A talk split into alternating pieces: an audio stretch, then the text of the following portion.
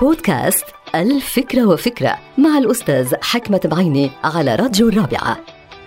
نسمع أحيانا أن الشيطان يكمن في التفاصيل أي أنه من الضروري أن نقرأ تفاصيل أي عقد قبل توقيعه أو نفهم تفاصيل أي مشروع قبل أن نشارك به. وعندما يتم اقتراح مشاريع قوانين في مجالس النواب مثلا أو مجالس الأمة ينكب الخبراء على قراءة التفاصيل قبل التصويت عليها.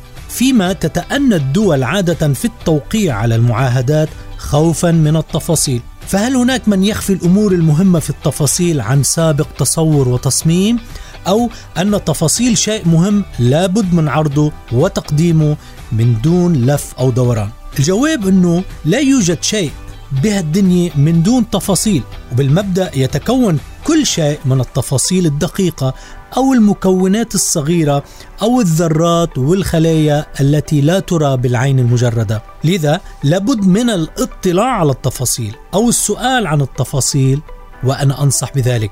ويعتمد الموضوع عادة على مبدأ الثقة، الثقة المتبادلة والمجربة لا تستدعي الوقوف كثيرا على التفاصيل، لأن الشيطان يخاف من الثقة أي من ثقة الناس بعضهم ببعض، ويبتعد عن الثقة لأنه يعرف أن ثقة الناس لا تدخل في التفاصيل، فلا عيب بالتفاصيل، بل العيب كل العيب من يخفي تلك التفاصيل أو يتجنب الحديث عنها أو يناقشها لأهداف غريبة أو أغراض عجيبة. الشيطان لا يعيش في عين التفاصيل، بل من يخفي التفاصيل هو الشيطان عينه. انتهت الفكرة.